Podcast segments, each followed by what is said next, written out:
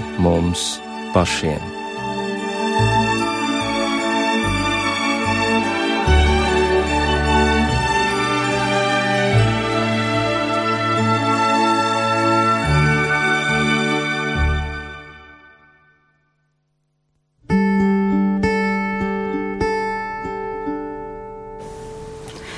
Esiet sveicināti raidījumā pāri mums pašiem, lai ir slavēts Jēzus Kristus. Studijā Inte Zēgnere par skanējumu rūpējas Rita Karnača. Bet mūsu raidījuma viesi ir filozofijas doktors Kaidrīta Lasmane, teoloģijas doktors no Šveices, priesteris Andris Marija Jarumanis un priesteris Jēzuīts Jānis Meļņikovs. Labvakar! Labvakar. Labvakar jums! Un e, šo raidījumu es vēlos sākt ar citātu no runas, ko 2016. gadā augustā Latvijas Nacionālajā bibliotekā sacīja toreizējais Amerikas Savienoto Valstu viceprezidents Joe Baidens. Un tālāk citāts. Demokrātiskā valstī ir pilsonisks pienākums nodrošināt, ka valdība atbild pilsoņu, nevis ietekmīgu cilvēku, saimnieciskās un politiskās elites šauro interešu priekšā. Valstī, kur valda likums, likumiem ir jātiecas uz visiem. Tieslietu sistēmai jābūt taisnīgai, efektīvai un caurskatāmai, citādi mums nebūs iespējams piesaistīt starptautisku komerciju, komerciju un uzņēmēju darbību. Un tālāk. Korupcijas izskaušana ir būtiska, lai saglabātu jūsu, tātad Latvijas, nacionālo suverenitāti. Korupcija ir kā vēzis politikas ķermenī, tās izskaušana ir viens no vispatriotiskākajiem pienākumiem Tā jūs pasargāsiet nākotni, kuru esat būvējuši ar tik lielu uzcītību. Tas ir citāts no Džo Baidena runas Nacionālajā bibliotekā, bet jau nākošajā nedēļā, 14. februārī, un cik zīmīgi pelnu dienā, Latvijas Nacionālajā bibliotekā pulksten sešos vakarā notiks pāvesta Franciska jaun iznākušās grāmatas pazemības ceļā atvēršanas svētki, un šīs grāmatas latviskais tulkojums, ko klajā ir laidusi izdevniecība Kaleraksti, cerams ļaus mums daudz lielākā mērā atklāt koruptīvo sakaru postošo darbību, kurus pāvests arī analizējis šajā grāmatā. Šī izdevuma iniciators ir publicists Cārnis Šablovskis, savukārt priesteris Andris Marija Jerumans ir rakstījis šai grāmatai ievadvārdus, un tāpēc vispirms es vaicāšu jums, Tad kā tas varēja notikt, kad un kas pamudināja pāvestu Francisku ķerties šim tematam klāt? Korupcija. Es domāju, ka eh, šī tēma pavada jau kopš vairākiem gadiem pāvesta rakstus. Un šajā grāmatā pamatā ir viens notikums, kas ir noticis Argentīnā 91. gadā, Katamarkas provincē kad notika izvarošana un slepkavība. Politiķi, kuru ģimenes locekļi bija iesaistīti šajā noziegumā, kavēja tā izmeklēšanu.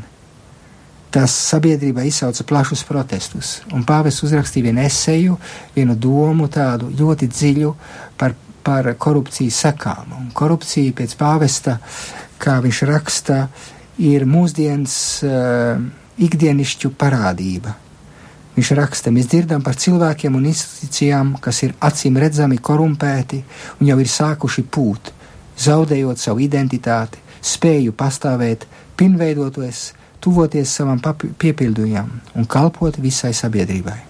Tātad viņš pievēršās šim tematam jau 91.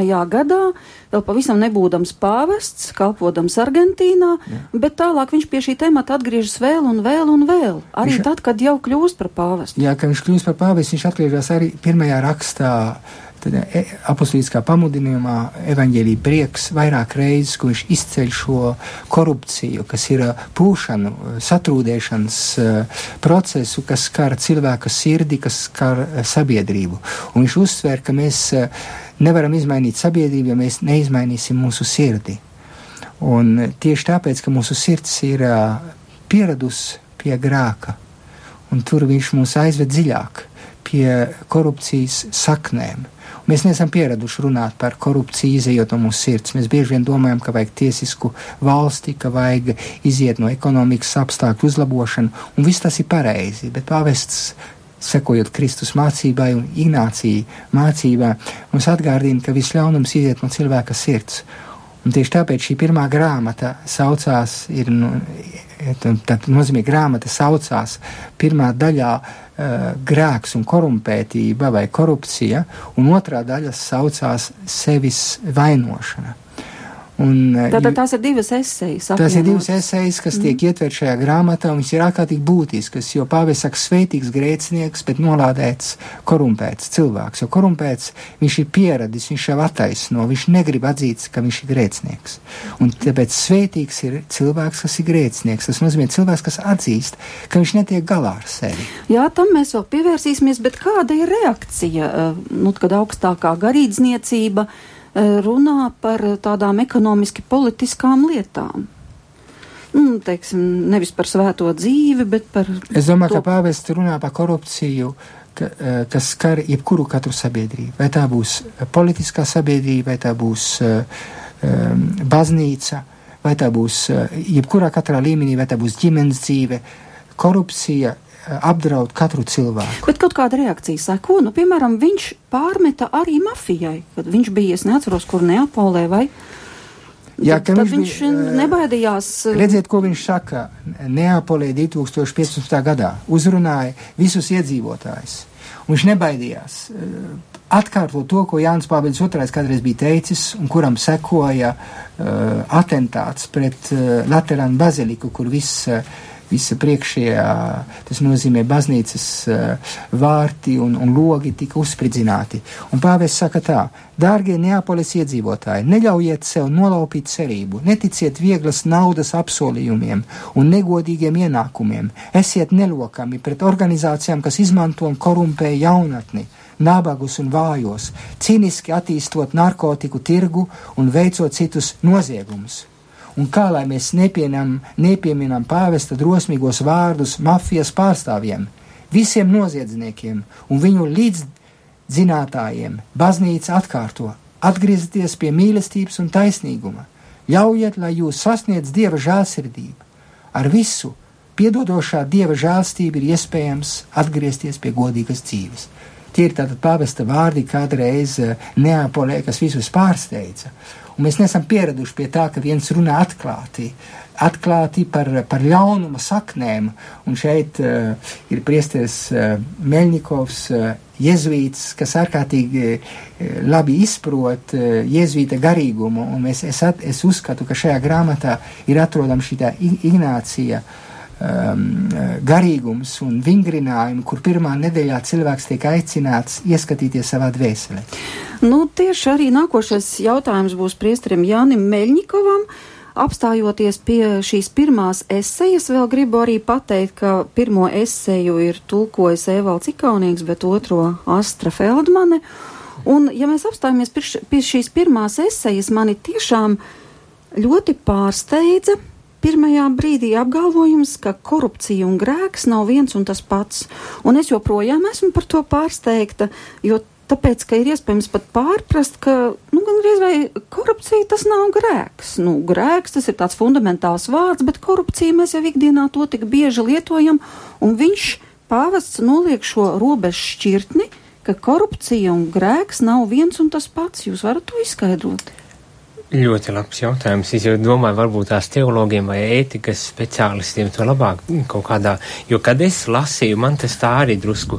Kur īsti tā atšķirība ir? Nu, tā, tā, tā, tā korupcija, es tā sapratu no pāvesta teikt, ka tas ir stāvoklis, kā tikai nevis kā krāks, kurš bieži vien var būt tikai tāds notikums, kas, nu, nu ir gadījās, nu šitā gadījās un viss, bet tad tā korupcija ir vairāk tāds jau, kas ir, nu, nu, kā teikt, līdz kaulam izgājis tam cilvēkam cauri, kas ir pārveidojis vai samaitājis to cilvēku, un viņš atrodas tādā. Un viņš ir samierinājis ar savu stāvokli. Grēcinieks, viņš pagājušajā nedēļā runāja Marta kapelā, Svētā Martas kapelā, viņš teica svētīgi grēcinieki.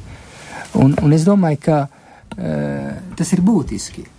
Uh, samaitāts cilvēks ir tā pieradis pie, savu, pie sava grēka, ka viņš pat vairs neredz. Bet grēcinieks, viņš raud, kā Dāvids, kas apjēdzās, ka viņš ir, viņš ir izaucis savu dzīvi, savu laulības dzīvi. Jeb, jeb grēcinieks tas ir tas cilvēks, kas zina, bet kā es tagad tikšu ārā. Bet korumpēt cilvēks, pāvis to saka, ir pašpietiekams cilvēks. Viņam patiesība vispār par sevi un par sabiedrību neinteresē. Un tas ir viens, kas ir samierinājies, un viņš sāk pūt. Tā, tā atšķirība ir tāda, ka principi, ka pūšana ir iesākusies, satrūdēšana ir iesākusies sabiedrībā un cilvēka sirdī ar, ar korumpētību, jo tas vārds korumpere, korumpere, tas nozīmē sapūt. Un grēcinieks, protams, viņš var pārtapt, ja viņš neuzmanās, ja viņš nelūdz, ja viņš neatgriežas. Viņš var, viņš sāk, var sākt pūt, un tur tā robeža ir tāda, pāvis jau neaizstāv grēku bet viņš saka svētīgs grēcinieks, jo viņš vēl apjēdzās, ka viņš maldās. Un tieši tāpēc viņš saka, ka ja grēku var piedot, tad korupciju piedot nevar. Nē, korupcija tas ir cilvēks, kas negrib nemaz atgriezties. Viņš tad citē. Viņam nav vajadzīga piedošana. Nē, viņš, viņš dod kā piemēru farizēju, kas ienāk, ienāk templī un viņš saka, lūk, kungs, pateicos Dievam, es esmu tas labākais. Paskaties uz to muitnieku, kas tur ir aizmugurē. Viņš tik, paldies, kungs, ka tu mani aizsargājis no tā. Un viņš pārskatās, jo viņš domā, ka viņš ir labs, bet īstenībā viņš neredz sevi. Un tāpēc tā otrā grāmata, otrās, otrā esē ir tik būtiska, kas saucās sevis vainošana.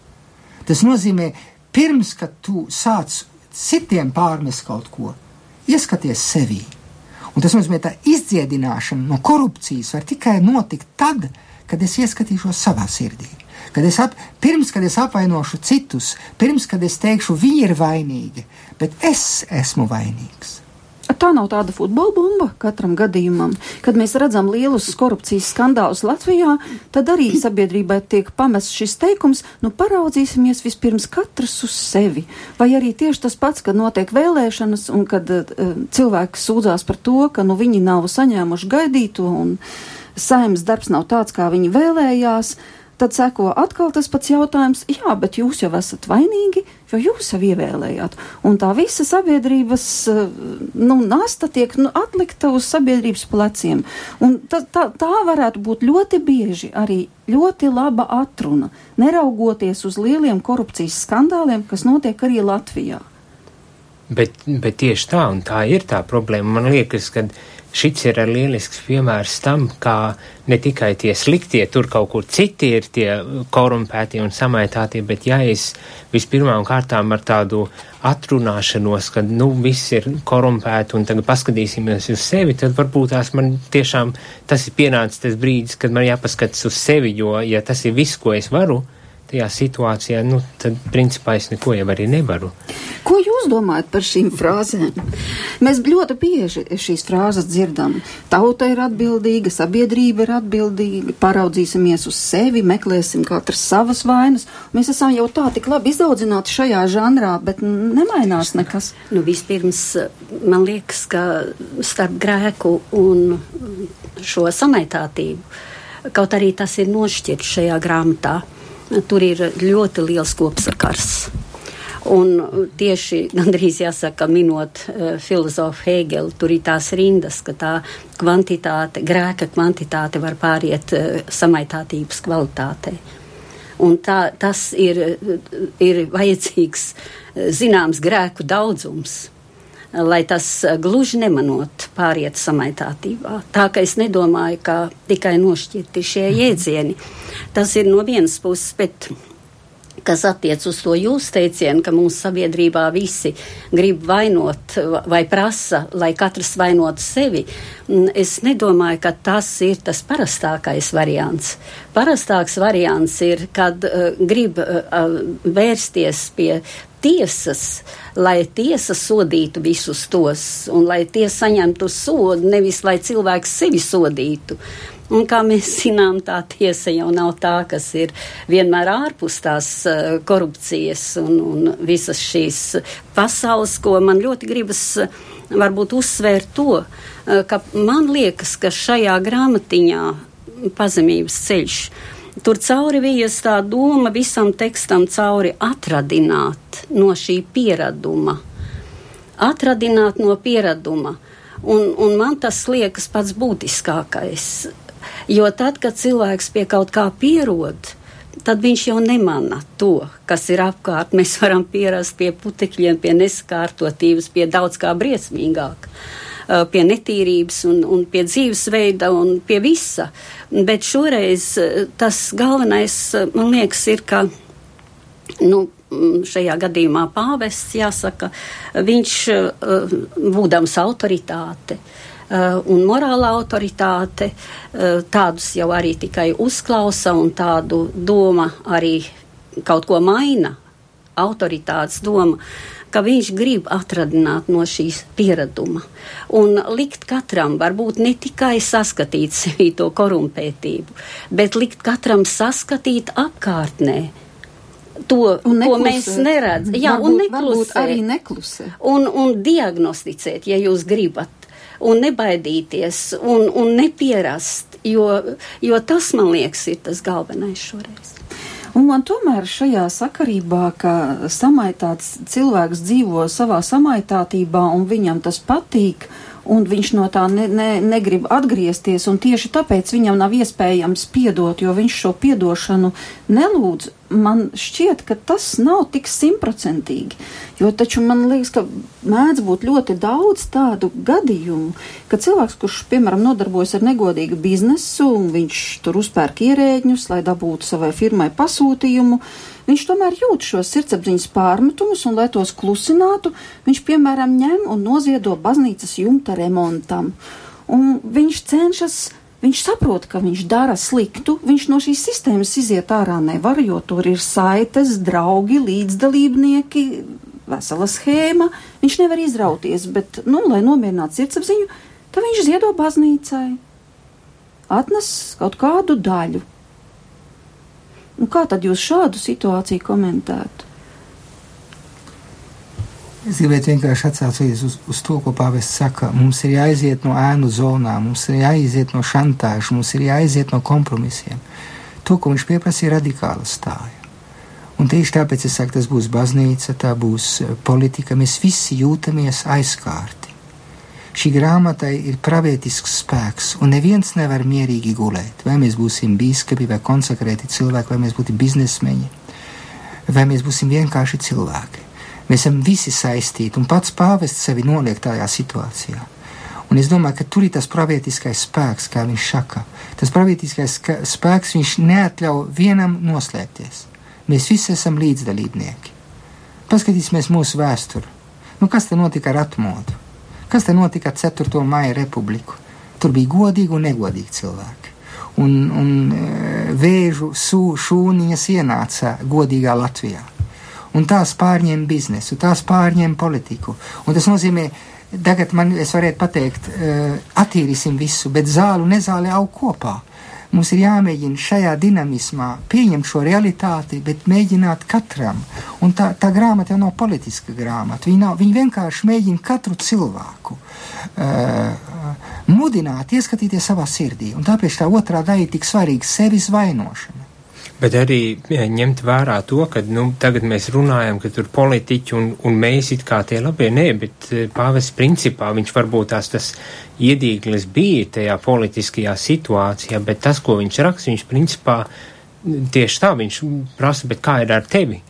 Un šobrīd man tā arī šķiet, vai baznīca ir autoritāte sabiedrībā, ja principā viss, kas ne tikai Latvijā, ārpus Latvijas, ka visur jau ir redzēts, ka, nu, nemaz tā autoritāte nav, ka tā korumpētība nav tikai, um, kā teikt, pasaulē, bet arī baznīcā, kurai it kā vajadzētu būt autoritātei ar garīgu stāju un, un mugurkaulu stingru, vai ne, bet, nu, kad viņš principā raksta un, un, un it īpaši otrā um, daļa ir veltīta uh, tieši reliģioziem, garīgajai uh, kārtei cilvēkiem un pievērš viņu un, uh, tiem it kā nemanāmiem vai tādiem paviršības grēciņiem vai, vai lietiņām, kas beigu beigās pārauga arī tādā korumpētībā. Nu, e, vienmēr sakot, parādīt to, ka runa ir ne tik daudz par politiku kā par garīgu stāvokli, kurā visi atrodas. Nu. Es biju pārsteigts, ka pāvestam prasīja, bet uh, tad jūs atbalstiet kristīgās partijas. Viņš teica, man vienalga, vai viņi kristīgi vai nav kristīgi. Man ir galvenais, vai viens politiķis ir godīgs. Nu, mm -hmm. Es domāju, ka tas nav tikai par politiķiem. Ja. Mm -hmm. Šis darbs ir par ikdienišķu korumpētību. Tam ir ļoti, ļoti plašs, nu, kā lai to saka, saturs. Jā. Mm -hmm. Un, tad, kad mēs Latvijā lietojam šo korupcijas iedzienu, tad es jau jūtu, kā mēs esam arī pieradināti pie tā, ka tas attiecas tikai uz politiķiem. Bet te ir pilnīgi citāds tas uh, skatījums, un uh, tas, ko Latvijā ar šo jēdzienu saprot, mm, ar to saprot dienesta stāvokļa amatpersonu politiķu ļaunprātīgu izmantošanu, ko arī var skaidrot vai saprast šauri un plaši. Kā grib tā skaidrot to, un es domāju, tas arī ļoti plašs skaidrojums, jo būtībā tas attiecas uz vienkāršu interešu konfliktu, uh, kad, piemēram, piešķir nu, kaut kāda fiktīva konkursa uh, va, uh, organizēšanas rezultātā uh, speciālu vietu savam, sacīsim, vīra brāļim vai tam līdzīgi interešu konflikts tas ir, vai arī tie pusmiljoni, kas tiek nodoti rokās, izmantojot to, ka man ir šī vara mazāk vai lielāka, bet vara, un par šo varas apziņu jau šeit ir runa. Uh, par to, kā šī varas apziņa tiek izmantot ļaunprātīgi, lai eh, tad arī gan samaitāts pats, gan arī samaitāti citi tiktu. Tā kā arī šis Latvijas jēdziens jau ir ļoti plašs, bet šajā uh, grāmatā tas ir daudz plašāks. Tas attiecas gan vēsturiski jau uz, kā mēs saprotam, uz bībeli, ar bībeli, ar ko tiek uh, ļoti daudz ilustrēts. Un beidzot ar Argentīnu, un mēs jau šodien vairāk vakarā mēs varam runāt par savu Latviju, kur piemēru gan netrūkst tai pašai korumpētībai. Un ko es vēl gribētu teikt, ka tiešām ar šo grāmatu pāvests, kā viņš saka, sapurināt vēseles, lai cilvēks sāktu domāt, lai viņiem tas nebūtu vienaldzīgs. Jā, jūs minējāt Bībeli, un kā arī tur ir korupcijas piemēri, un patiešām es līdz šim nebiju iedomājusies, bet tur viņu čumu un muģu varētu sacīt, jo uh, Jūdas pārdot Jēzu par 30 sudraba gabaliem, jā. Tad, kad Jēzus ir augšām cēlies, augstie virspriesteri, kad pie viņiem atskrien sargi, saka, mēs jums labi samaksāsim, tikai pasakiet, ka mācekļi pa nakti atnāca un Jēzu nozaga, un jūs viņu nenosargājāt, nu, tādu pilnīgi precīzi korupcijas piemēri. Um, bet gribu vēl tomēr nocitēt kādu ļoti interesantu psalmu, kas ir vispār no vecās derības. Tā tad vēl pat e, ne no Jēzus laika, kad viņš staigāja pa šo zemi. Un tas ir 73. psalms, kur Dāvids saka Dievam, e, es dusmojos par lielīgajiem, kad es redzu, ka bezdieviem tik labi klājas. Un tiešām viņiem nav nekādu bēdu visu mūžu. Vesela un labi barota ir viņu miesa, cilvēku grūtības tos neskar, augstprātība ir viņu kaklarota un varmācībā viņi tērpjas kā drēbēs. Un tālāk taukajā sejā spīd viņu aizplūdušās acis, un tajās atspūguļojas viņu sirds domas. Tas ir 73. psalms, un viņi zobojas un runā savā ļaunumā tikai par varas darbiem, un viņu runas ir augstprātības pilnas. Un man liekas, ka šis teksts vispār iet pāri jebkuram laikmetam un ļoti labi sasniedz arī mūsdienas. Redziet, grāmatā pāvests saka, no pašpietiekamīgs cilvēks kļūst par triumfalistu. Tad viņš iet par tādu pašpārliecinātu, kas viss viņam izdodas. Bet, bet, vienu brīdi iejaucās Dievs caur pārbaudījumiem, tā pāvests saka. Bieži vien caur nāvi, caur slimību, caur tuvāko pārbaudījumu. Un tad tu sāc domāt. Un tas ir universāls piedzīvojums.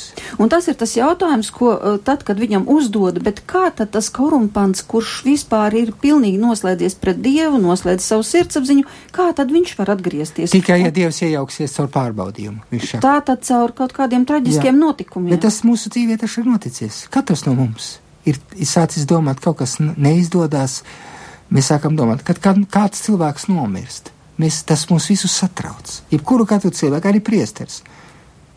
Kad viņš redz kādu cilvēku, kas ir aizgājis, viņš vienmēr domā par, par mūžīgo dzīvi. Es domāju, tas ir tas jautājums. Pāvests saka, tas ir tā attiecība pret transcendencijām kas ir būtiska. Tas nozīmē pret patiesību un pret transcendenci. Un to mēs esam īstenībā nāves priekšā, mēs saprotam, ka viss ir pārējošs. Mm. Es nezinu, ko filozofi teiktu. nu, es vispirms domāju, ka pāvests glezno šo korumpētā cilvēka tēlu, bet viņš to glazno ļoti sarežģītu. Un, un šī sarežģītība, manuprāt, nu, parādās kaut vai tur, ka viņš raksturo, kā šis cilvēks uzvedas ārēji. Viņa to korumpētību jau nemana ārēji. Kā viņš saka, ar savas vecās mācas teikto, nevainīgs kā svētbilde.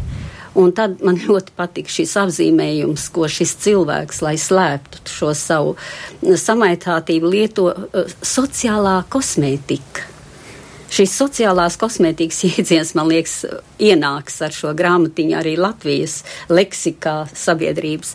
Bet tas, kas man liekas ļoti svarīgi, lai mēs saprastu šo sarežģītību, kas ar šo korumpēto cilvēku saistīta, man gribas teikt, ka uh, pāvests to zīmē ar ļoti dažādiem interesantiem līdzekļiem, piemēram, jutekliski. Jūs varat palīdzēt man cik ļoti daudz ir tieši juteklisku tādu nu, ainiņu ar, ar ožu, jo viņš runā mm, par smirdoņu. Viņš atvaida ar to smaka.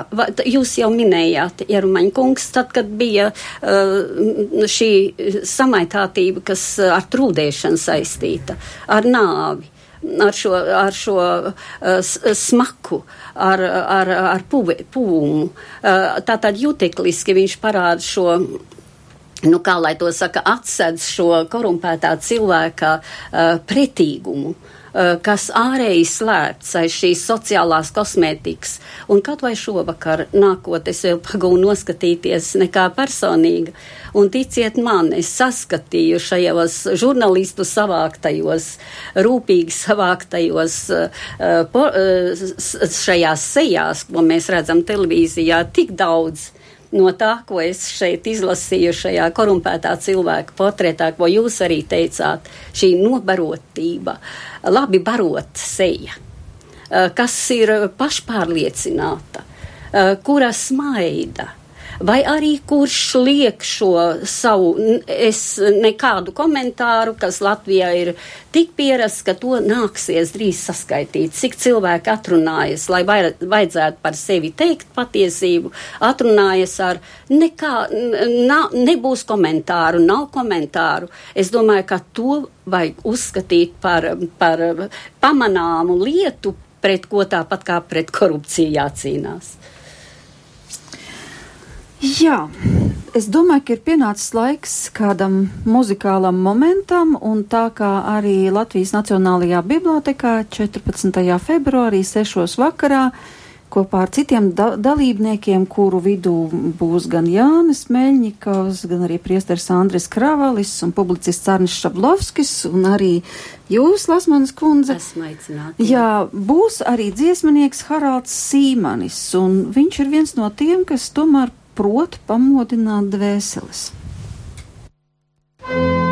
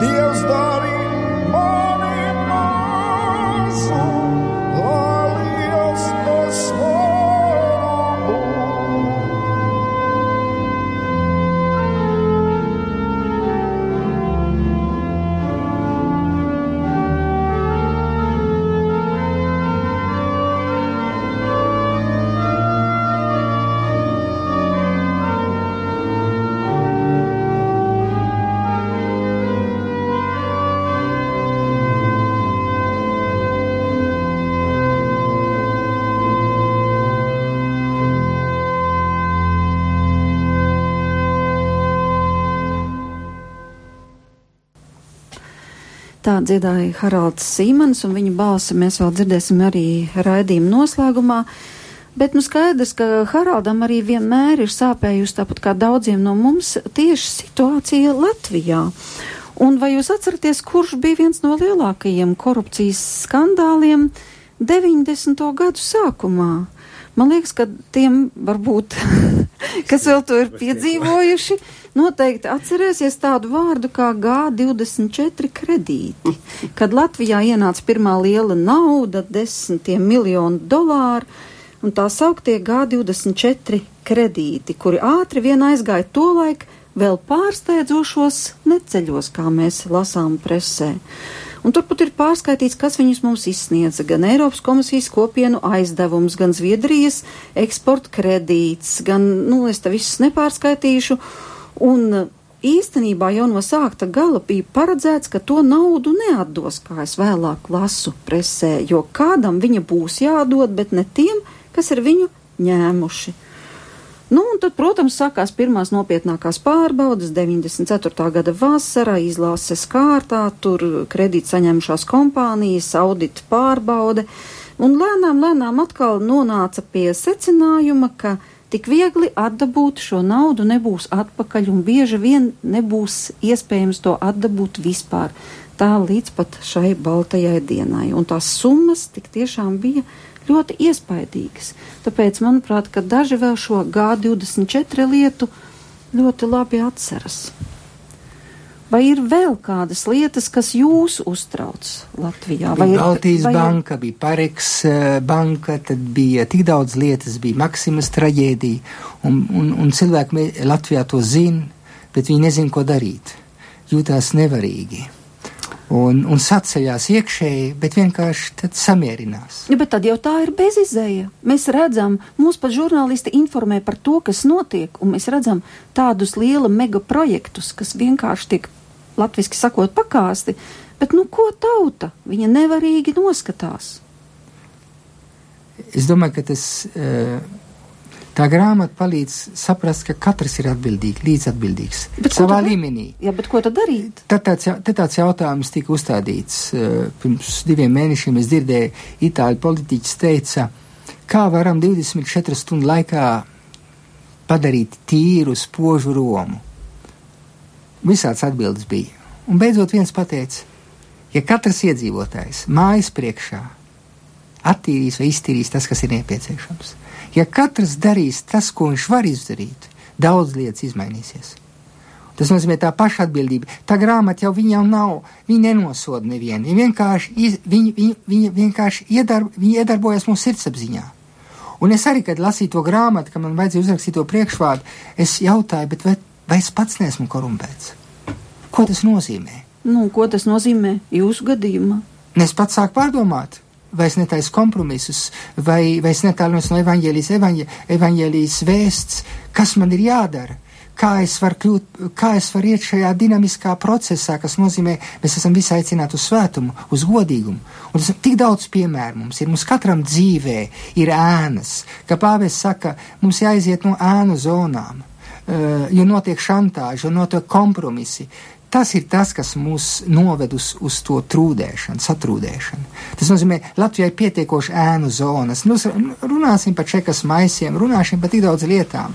Tur var būt daudz izskaidrojumu, bet ja ne, ja, jo būsim caurspīdīgāki, jo būs mazāk korumpētības iespējas. Jērumaņa kungs, bet tas, ko jūs tikko teicāt, tas tikai tāpēc, ka tādus jautājumus uzdod godīgi cilvēki, kā jūs sev uzdevāt, kas attiecas uz eh, šo pasauli, par kuru mēs te arī Zēgnēs kundzes balsī dzirdējām, tad tur šādi jautājumi, man liekas, nav uzdoti. Un tāpēc jau arī, manuprāt, ar šo sirdsskaidrību vien neko panākt daudz nevar. Eh, Var panākt daudz, ko varbūt tā kā panāk Rumānija, kad notiesā pašas augstākās elites personas ar korupciju saistītas. Uh, un, bet tur ir vajadzīga institūcija, kas pati nav uh, korumpēta. Uh, un tur ir vajadzīga ļoti liela enerģija, un tur ir vajadzīga milzīga drosme. Bet es teikšu, ka mēs bieži vien pamanām, un paldies jāsaka tiem žurnalistiem, uh, kuri mums palīdz. Uh, nu, redzēt to, kas notiek apkārt. Un mēs bieži tikai atkārtojam, bet mēs paši neredzam. Un es gribu vienu piemēru tikai minēt. Nu, un, un skaidrojiet, lūdzu, vai varbūt, man nav taisnība. Rīgā es redzu uz katra stūra, kā jūs redzat, īsā laikā alkohola veikali savairojušies blakus Fēniksiem. Un blakus Lombardiem, protams, jūs redzat šo trio, un tad vēl aizdevumi par ko jūs arī runājāt. Nu, tie bija citi aizdevumi. Un, un, un tāpēc jautājums ir, bet tā, tas nav saistīts ar šo pagrimumu, ar trukdēšanu. Ir. Nu, bet, un tad jautājums, un ko darīt?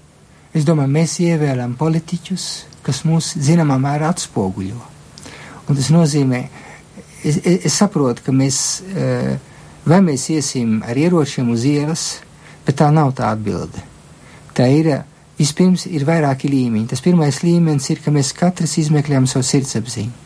Un sava, pēc savas sirdsapziņas pēc tam mēs ejam balsot par tiem cilvēkiem, ko mēs uzskatām par godīgiem. Jo viņi ir tie, kas veidos to sabiedrību. Es nevaru, un tas nozīmē tas, kas notika Rumānijā, tāpēc, kad aizmugurē bija viena tautas kustība tik spēcīga, kas pieprasīja šo tīrību. Un es domāju, šīs grāmatas mērķis un tādas pārdomas, kas notiek, tas ir tik veselīgas, jo viņš liek visiem pārdomāt. Bet mums būs tautas kustība. Nu, tas atkarīgs no mums visiem vai baznīca, vai visas institūcijas, kas ir uzstādījis to jautājumu, bet vai mēs esam godīgi, vai mēs veicināsim šo godīgumu, tad varbūt, es nesaku, ka tas ir automātisks rezultāts, bet kas jums ir par atrisinājumu? Nē, mans atrisinājums ir tomēr, ka galvenais ir pamanīt. Jā. Sevi un arī, arī apkārtnē. Un, nu, es minēšu tādu mazu sīkumiņu, vakar supernova. Uh, ļoti jauki vadītāji, kolosāls uh, šaus. Un vadītājai rokā mikrofons ar Ando aizdevumu, vieglu, ātru aizdevumu uh, sabiedrība, kura sevi reklamē arī caur radio, arī caur televīziju, visur. Un, un tad es paņēmu un palasīju šo, šo reklāmu, kas ir uh, š, uh, mājaslapā Ando. Un, ziniet, tā ir pasaka Un tam cilvēkam ir stāstīta šī pasaka, šī kolosālā, vieglā aizņemšanās. Bet nav nekas runāts par to, ka tas ir jāiz, jā, jādod. Un, un cilvēki tur, lūk, eh, cilvēki tur šo uh, mikrofonu. Viens vienkāršs cilvēks visiem rāda, visiem reklamē uh, šo, šo aizdevumu sabiedrību, lai cilvēku ievilinātu šajā uh, nu, kā, nu, tiešām tā nav nekāda samaitātība. Vienkārši verdzība. Verdzībā, un viņš iegrims tajā, un tur ļoti interesanti tāda piezīmīte, un cer uz ilgstošu sadarbību. Protams. Tas ir, protams, jā. Es domāju, ka Kristus mums devis vienu atslēgu, jā. Patiesību jūs padarīs brīvus, jā. Un tas ir patiesības jautājums. Mēs dzīvojam laikmetā, kur vienkārši mūs pārdod patiesība ar meliem. Un kā Goebbels teica, Hitlers propagandists jā, vai publicists, vai kā viņš bija, uh, melus uzreiz var tikai pārdot ar puspatiesībām. Un tā mēs manipulējam. Tas notiek masas informācijas līdzekļos, žurnālistiem ir ļoti liela atbildība, uh, avīzēm un tā tālāk. Es domāju, tas ir jautājums par patiesību. Pāvests tur vienā brīdī viņš saka, korumpēt cilvēks, viņš vairs nav atvērts uz patiesību. Un, eh, un, un tur katrs cilvēks var piedalīties šajā patiesības stundā. Ar kādreiz padomu savienībā Solženīcins un, un Saharovs teica, ja tu gribi, lai šī sistēma izmainās, tad saki patiesību. Bet totalitārisms grib, lai cilvēki nesaka patiesību. Un tad, kad mēs sāksim mazliet šo patiesību pateikt, kaut kas izmainīsies, pēc manām domām. Nu, es domāju, ka Latvijā varbūt arī mm, sabiedrība pārāk daudz paļaujas uz likumu un domā, ka ar likumu tiks galā ar šo korumpētību, bet nu, mēs redzam, ka tur sekmes ir ļoti vājas.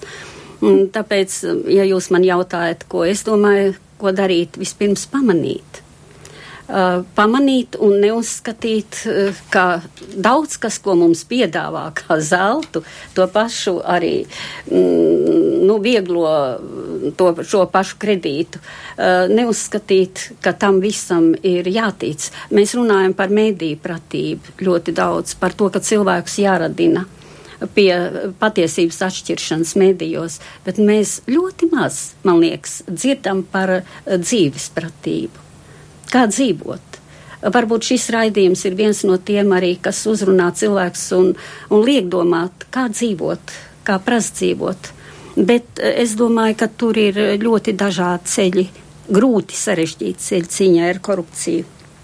Bet arī eh, tā lieta, nu, viens ir būt vērīgam, otrs mainīt, skatīties uz sevi un, un dzīvot pēc savas sirdsapziņas, cik iespējams labāk.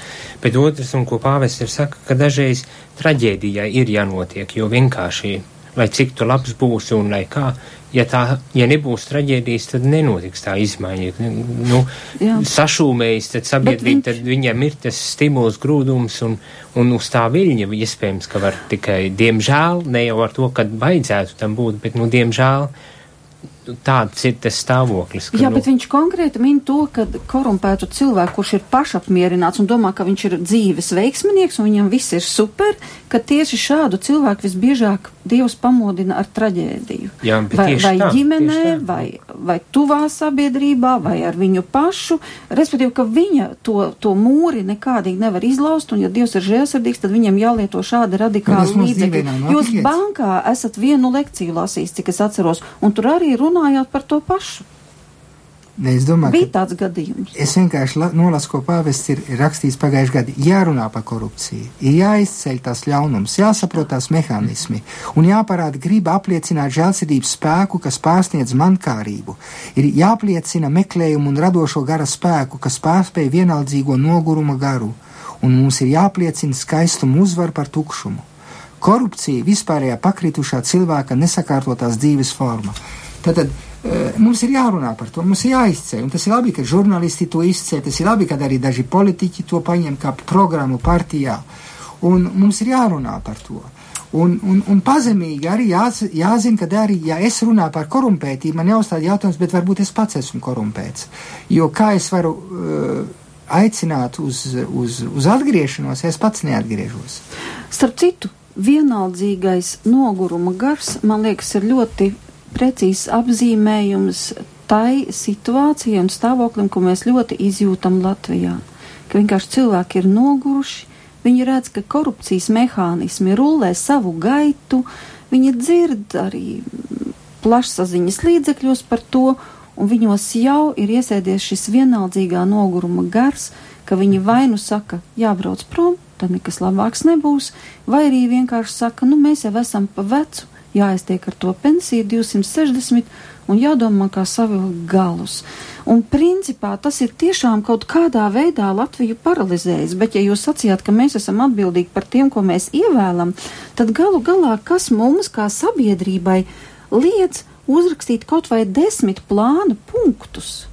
Nezinu, kāda sabiedriskai organizācija un aizsūtīt partijām konkrēti, vai tiks samazināti alkoveikali, vai tiks aizvērtas tur tik un tik spēļu zāles, pavisam konkrēti. Es domāju, ka tad šīm partijām, kas tik ļoti grib Ziniet, tiekties ne, nevienā, pie varas. Briselē nav nekāds tik, tik daudz spēļu zāles kā šeit. Nevienā Eiropas pilsētā nav tā kā Rīgā. Nu, bet, mēs, nav. Mēs tas nozīmē, tas parāda korumpētību. Bet nu, tas parāda arī mūsu sabiedrību. Tas nozīmē, ka, ka jo šīs spēļu zāles nav tukšas, alko veikali ne, neatveras tāpēc, lai tie stāvētu bet, tukši. Bet man, mans šis priekšlikums bija, ja katra no partijām, kuru tik ļoti grib ie, iekļūt nākošajā uh, gadā, tas ir šajā gadā jau saimā un viss tā, katra saņem šādu jautājumu sarakstu, desmit būtiskākie jautājumi.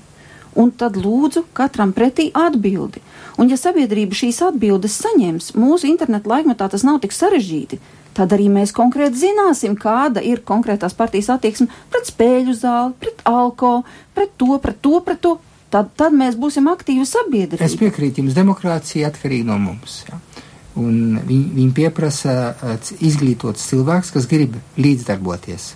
Vienaldzīgs cilvēks pieprasa diktatūru vai pusdiktatūru. Tas ir pa maz, ka mēs izlasām tikai to, ko mums piedāvā uh, Jā. priekšvēlēšanu kampaņās.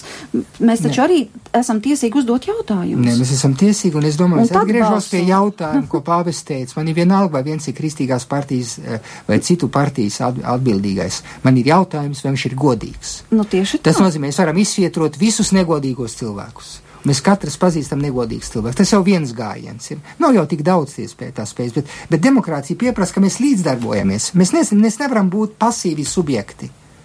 Un, un, un, un tas nozīmē līdzdarboties, tas nozīmē tas ir, eh, rakstīt, tas ir pārdomāt par savu dzīvi, tas ir pārdomāt, kā es savus nodokļus maksātu, tas ir pārdomāt, ko es varu izdarīt. Un, protams, nebūt ar, būt ar realistam. Zāle un nezāle aug kopā. Jā. Mēs nevaram tagad gribēt visu uzreiz, bet mēs varam mazliet kaut ko izdarīt. Es nezinu, ko Lasmāns kundze tam saka.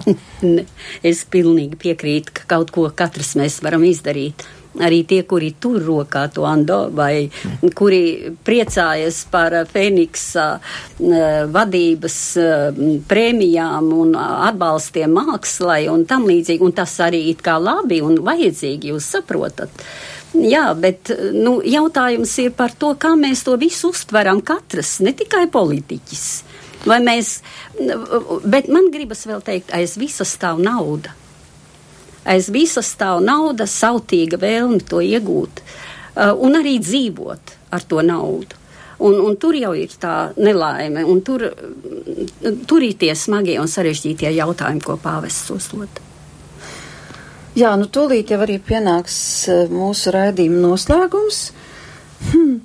Interesanti, ka viņš runā, ka bīstams ceļš ir arī kristietim, ja viņš ir remdens un ja viņš nesako savam aicinājumam, ja viņš ir aicināts lūgties, bet to nedara, ja viņš redz, ka viņš kaut ko var darīt kā kristietis, bet neizmanto šīs iespējas, ka tas arī ir ļoti slidens ceļš, un arī par to viņš runā šajā grāmatā, lai cik tas nebūtu pat dīvaini šķiet no tāda garīga aspekta.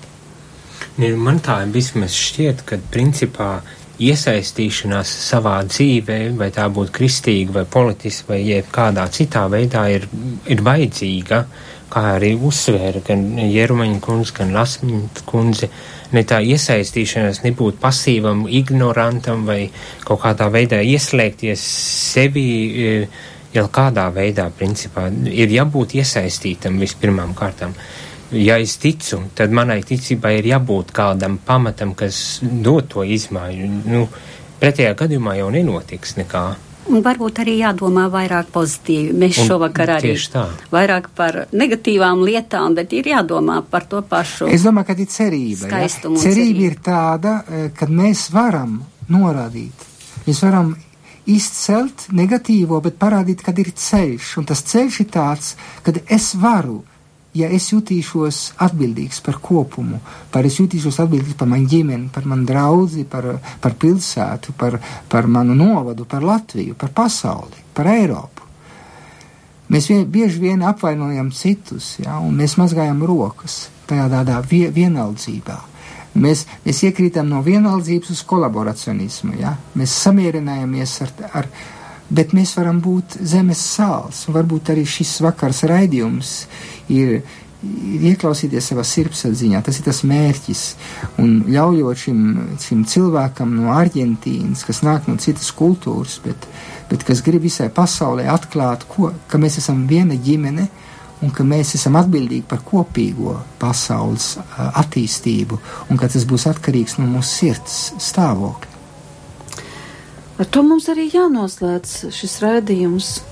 Un es tiešām neatceros, kur tas ir bijis rakstīts svētajos rakstos, bet ir trīs ļoti skaisti padomi, kas ved katru cilvēku pretī svētībai. Un tur ir rakstīts: dari taisnību, mīli žēlsirdību un pazemīgi staigā Dievu savu kungu priekšā. Un man liekas, ka izrietot no tā, redzot, ka Dievs mūs vēro, pazīst, zina mūsu domas, sirds nodomus, ka tā varētu būt laba atslēga, lai mēs pārāk nenovirzītos ne pa labi, ne pa kreisi no tās patiesības, kas mums ir katram sirdī ielikta. Paldies šovakar par raidījumu, saku priesterim Andrim Marijam Jerumanim, teoloģijas doktoram no Šveicēm, kurš gan bieži šeit ir Latvijā, no Šveicēm pat daudzskaitlīgi palielināju jūsu valsts izmērus, arī jezītu tēvam Jānim Meņikovam un filozofijas doktorei Skaidrītei Lasmanai. Paldies, Paldies ka jūs Paldies. ziedojāt laiku un bijāt šovakar ar mums kopā. Un par 14. vēlreiz atkārtošu, ka Nacionālajā bibliotekā pulksten sešos vakarā jūs esat mīļi gaidīti uz šīs grāmatas atvēršanas svētkiem un, protams, uz diskusiju. Un arī tagad jau mēs dzirdam, kā dzied Haralds Zīmanis, un viņa dziesmām patiešām ir filozofisks saturs. Kopā ar jums šajā vakarā bija Inte Zēgnere, paskanējumu rūpējas Rīta Karnača. Your